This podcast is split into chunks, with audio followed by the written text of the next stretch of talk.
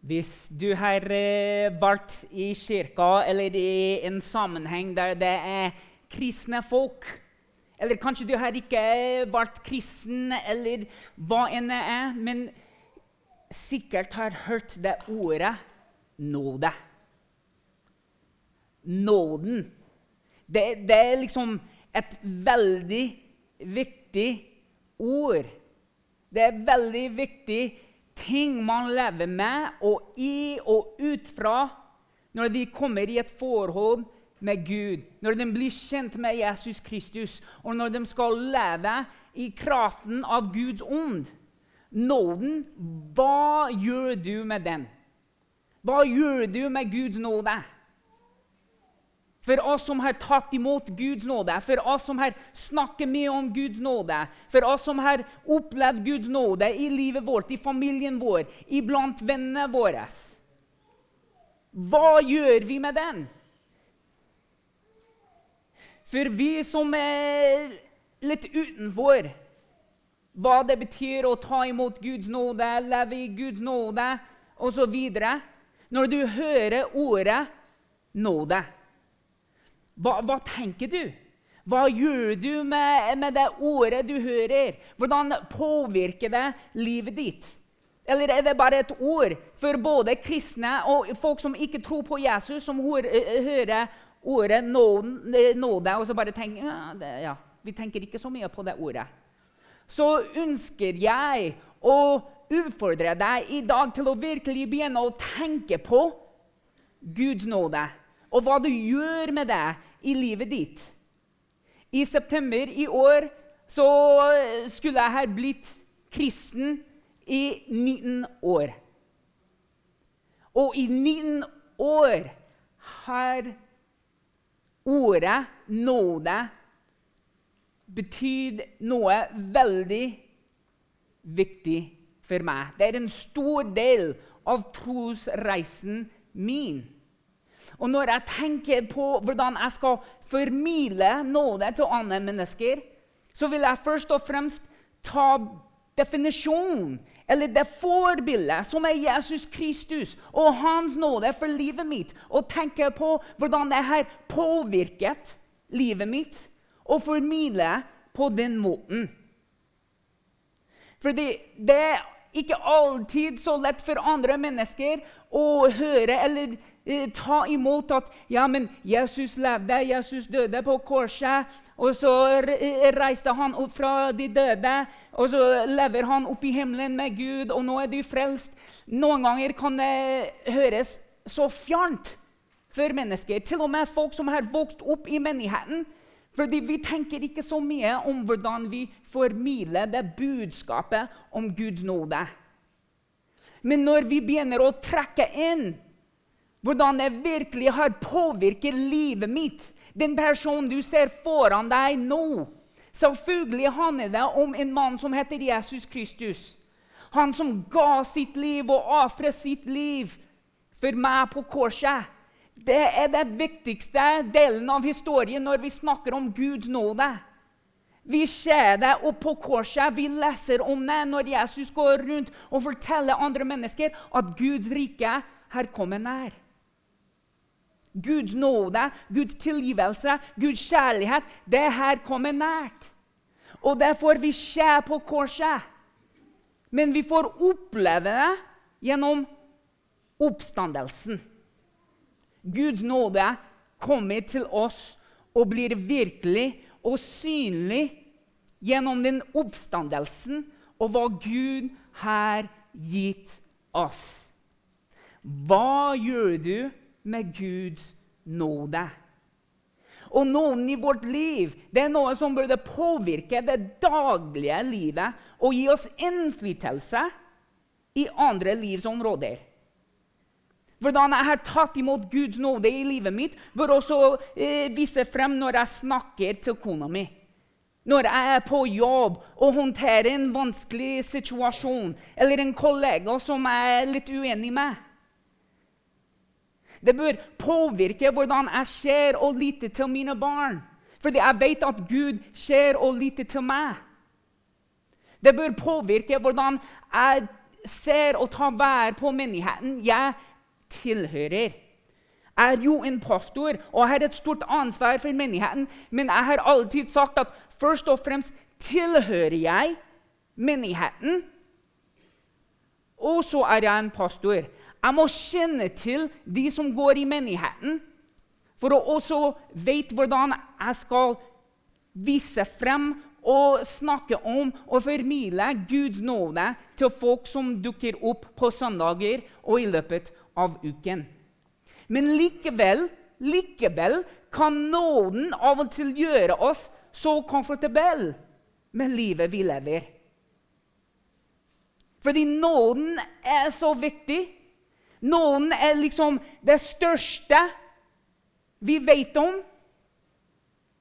så blir vi så komfortable med det livet vi lever. Vi tenker at ja, jeg har kommet til Gud, jeg har tatt imot hans eh, frelse, jeg har tatt imot Jesus i livet mitt. Og nå har jeg Guds nåde. Vi blir så komfortable med de avgjørelsene vi tar, og de situasjonene vi finner oss eh, i gang på gang. Man blir så knyttet til tanken at Guds nåde er så stor og så mektig og så kraftig at det dekker over vår synd. Vi er tilgitt. Alt er greit. La oss bare leve livet nå. Det er halvveis riktig, folkens. Det er nesten sånn at menigheten på en måte lører folk inn i menigheten, lører folk inn i et forhold med Jesus fordi det forsyner bare en halv sannhet av hva Guds nåde er, og hva det betyr for oss og livet vårt. Guds nåde er så stor, Guds nåde er så mektig, Guds nåde er så kraftig at det dekker over våre synder. Men likevel kan vi leve i Guds nåde og ikke vokse nærmere Han. Faktisk det motsatte kan skje. Vi tenker at Guds nåde er så stor og mektig at vi lever et komfortabelt liv, og så trekker vi litt unna, litt unna, eller vi trekker oss ikke nærmere Gud fordi vi er så komfortable i det livet vi har. Vi vandrer lenger, eller vi sitter i samme situasjon med samme troen som vi hadde før, og lurer på hvorfor Gud ikke gjør noe. Hvorfor vi ikke opplever Gud på en større måte. Hvorfor vi ikke ser at han gjør ting i livet vårt.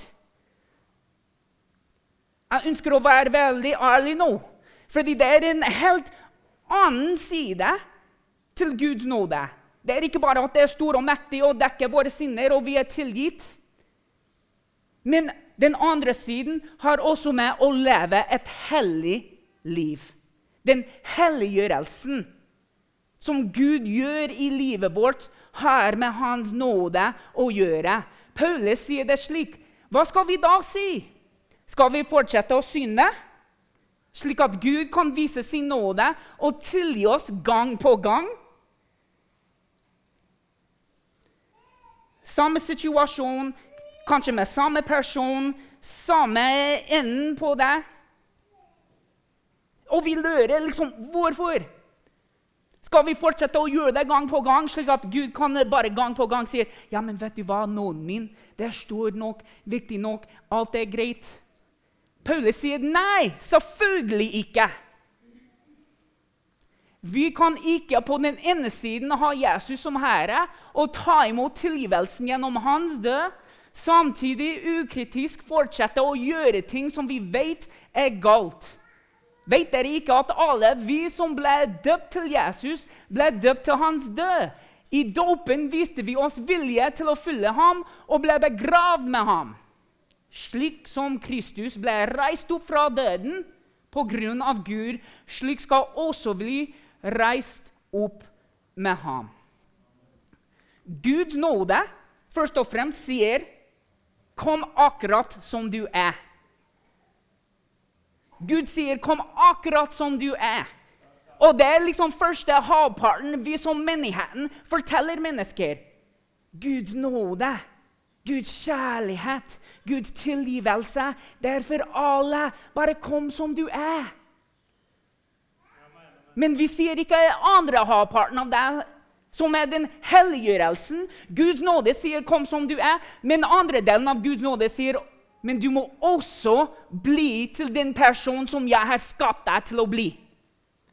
Du får ikke komme til meg, du får ikke komme til riket mitt, du får ikke bli i meg.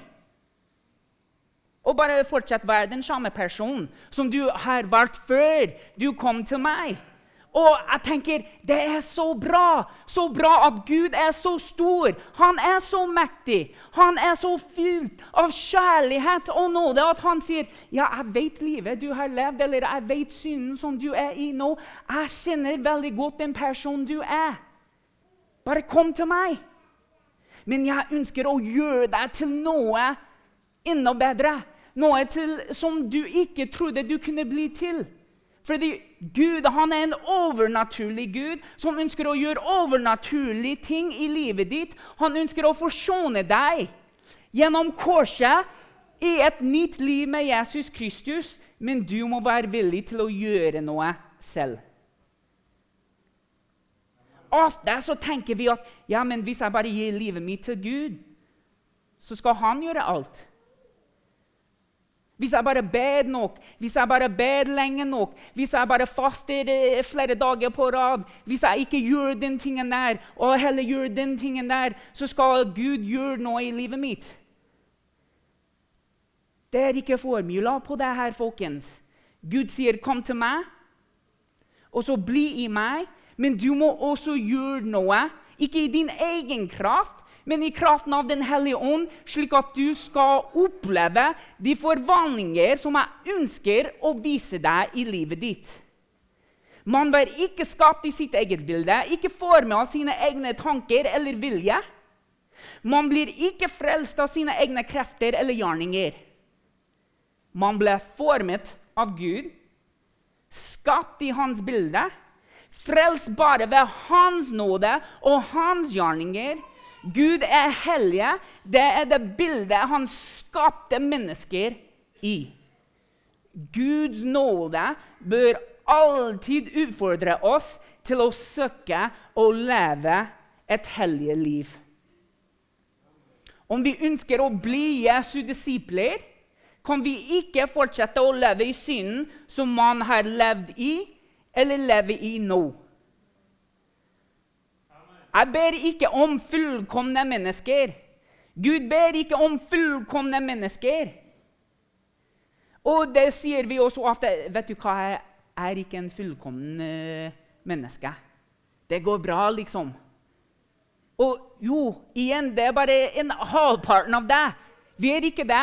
Jeg ønsker at folk skal se på meg og se på hverandre som bare vanlige mennesker som tar feil, som tar dumme avgjørelser, som gjør dumme ting av og til. Men likevel så må vi strekke oss til det neste nivået i livet, gå nærmere Jesus.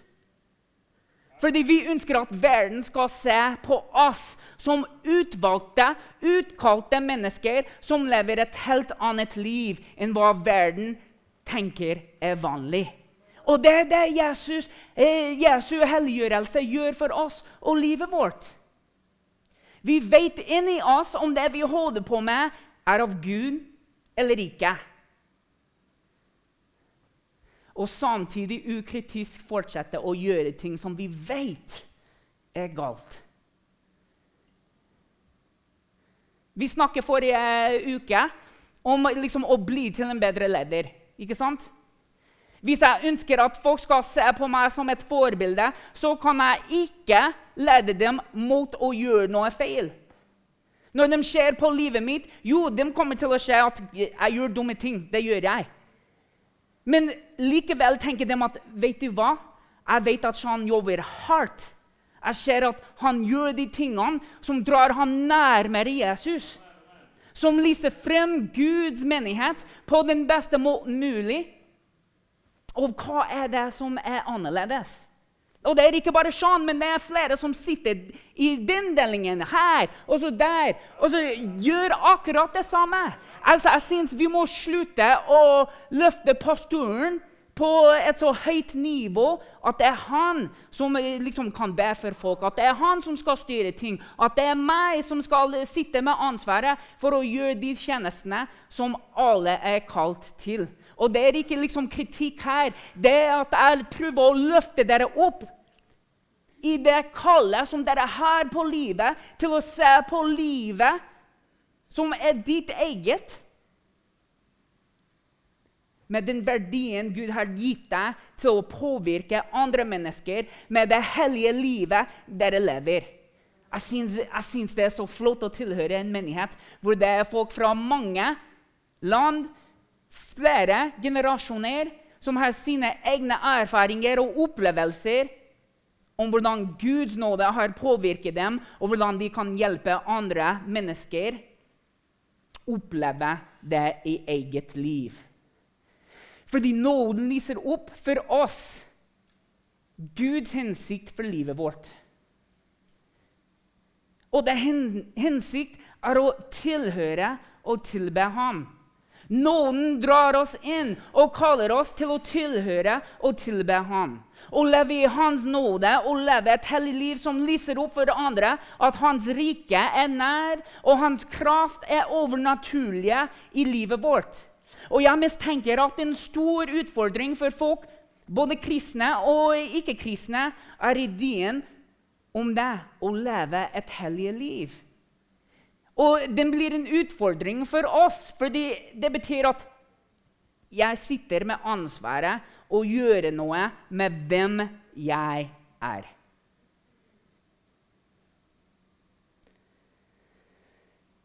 Jeg må forandre noe.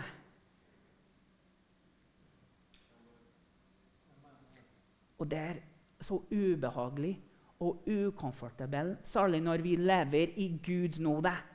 Vi tenker Guds nåde er nok.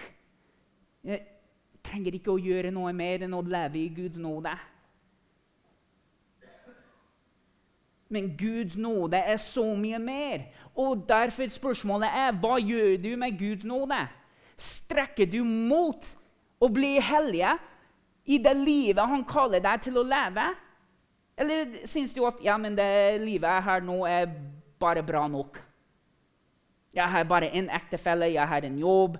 Liksom, jeg hjelper mine venner. Jeg kommer i kirka på søndager. Jo, veldig bra. Men Guds nåde det bør også føre deg, det bør også utfordre deg, det bør også oppfordre deg til å tenke hva mer? Hva er det i meg og i livet mitt som må endres for å bli enda mer lik Jesus? Fordi det er målet å bli enda mer som Jesus. Og det er en lang reise. Og Derfor er det så viktig å sitte iblant andre mennesker som har annerledes perspektiver, annerledes meninger, annerledes opplevelser, og dele den troen vi deler, for å bli enda mer lik Jesus. Noen driver oss i den retningen. Og det, I Guds nåde finner vi den muligheten til å bli forandret.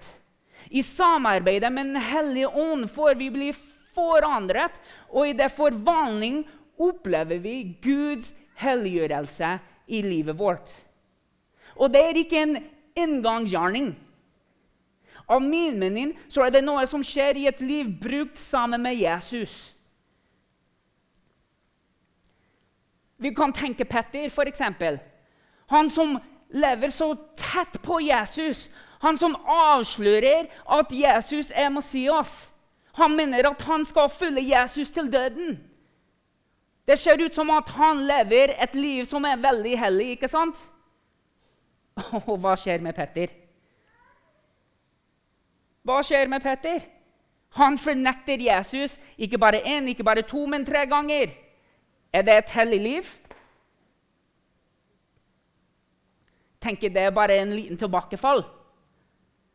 Og hva skjer? Den prosessen fortsetter, hvor Jesus møter han og sier, 'Vet du hva? Nåden, nåden min, det er nok.' Du er tilgitt, du er elsket, du er kalt til å leve det livet og i den hensikten som jeg tilhører meg og tilbe meg, Petter. Men det er ikke nok. Nå skal du fortsette i den prosessen og på den reisen og bli til den personen som jeg har kalt deg til å bli. Til å lede andre mennesker nærmere meg. Til å vise frem Guds overnaturlige krefter her i verden som bekrefter for andre at Guds rike er jo her fortsatt. Og bygge min menighet. Vi kan godt sitte oss fast og leve et godt liv i Guds nåde. Men vi må også begynne å gå til den andre siden av Guds nåde, som er helliggjørelse, og leve et hellig som bekrefter for andre mennesker hvem vi tilhører, og hvem vi tilber. Amen. Vi tenker på tollere, de prostituerte, de rike, de fattige, Paulus sitt liv. Flere av dere som sitter her i den salen nå. Vi er vitner til Guds rike. Vi er vitner til Guds helliggjørelse i livet vårt og den prosessen vi er fortsatt i for å bli mer lik Jesus. Da Jesus inviterte mennesker til å følge etter ham, så var ikke invitasjonen 'Hei, bli med meg'. Vi skal feste oss. Vi skal fortsette i det samme livet som vi hadde før. Vi skal leve ut våre, av våre egne forventninger, våre egne preferanser, våre egne ønsker. Bare bli med. Livet blir akkurat som før. Bare at dere er med meg nå. Det var ikke innbydelsen Jesus ga til alle de som han kalte til seg. Det var noe så radikalt. Han inviterte dem til en viktig og virkelig utfordrende avgjørelse. Kanskje du sitter her i dag, og du er ikke i en relasjon med Jesus Kristus. Jeg ønsker å hjelpe deg til å virkelig tenke på Hans nåde. Kom som du er. Vi ønsker at du skal begynne å tilhøre Guds rike, at du skal tilbe Jesus Kristus som din frelser. Men samtidig så ønsker jeg å fortelle deg at det livet kommer til å bli utfordrende. Fordi da skal du, som Jesus ønsker oss her i dag, og kalt alle de før oss til, til å glemme til å glemme og forlate det gamle livet. De gamle preferanser, de gamle tankene.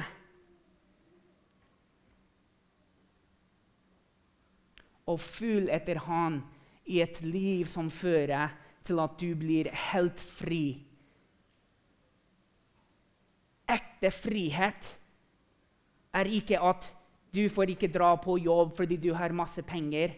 Friheten som er ekte, er ikke at du får fylle etter dine egne lyster og ønsker. Ekte frihet gjelder når du får følge etter en Gud som du vet elsker deg uansett, og du trenger ikke å bli plaget av dine egne tanker og ønsker og preferanser, fordi kraften i navnet Jesus har satt deg fri. Jeg skjønner at ting er ikke enkelt eller lett. Og Derfor er det store fellesskapet så viktig. Derfor er det så viktig å bo tett i relasjon med Jesus. Og Titus 2 sier det slik.: For Guds frelsende nåde for alle mennesker er åpenbart. Halleluja. Halleluja at Guds frelsende nåde er for alle mennesker. Det blir åpenbart gjennom Jesus Kristus. Alle mennesker får oppleve det hvis de ønsker å ta imot det i sitt eget liv. Men Men Og denne nåden hva oppdrar oss til å fornekte ugudelighet og verslige lyster og leve edruelig, rettferdig, gudfryktig i den nåværende tidsalder. Det, det er ikke en annen måte jeg kan si det på. At Guds nåde fører oss til å gjøre noe annerledes med livet vårt. Nåden er frelsen for alle. Men samtidig oppdrar det oss til å takke nei til hva verden kaller oss til, og de lystne vi har. Kolosserene 3 sier det slik Er dere da reist opp med Kristus? Så søk det som er der oppe, hvor Kristus sitter ved Guds høyre hånd. La sine være vendt mot det som er der oppe, ikke mot det som er på dere, er jo døde. Og deres liv er skjult med Kristus i Gud. Men når Kristus, deres liv, åpenbarer seg, da skal også dere bli åpenbart i herlighet sammen med ham. La da det jøriske i dere dø. Og nå får du mange av de tingene som vi fortsatt lever med i vår verden i dag. Igjen trenger ikke å nevne alle disse tingene her, fordi vi vet inni oss hva vi ser på, hvordan vi snakker, hva vi snakker om, hvem vi snakker med, hvor vi går, hvordan vi bruker tiden vår hvem vi bruker tiden vår sammen med. Vi vet om det er av Gud eller ikke. Vi vet inni ånden om vi har dødd til det eller ikke. Men legg nå alt av dette. Og her kommer en liste til av tingene som noen bør egentlig drive oss bort fra.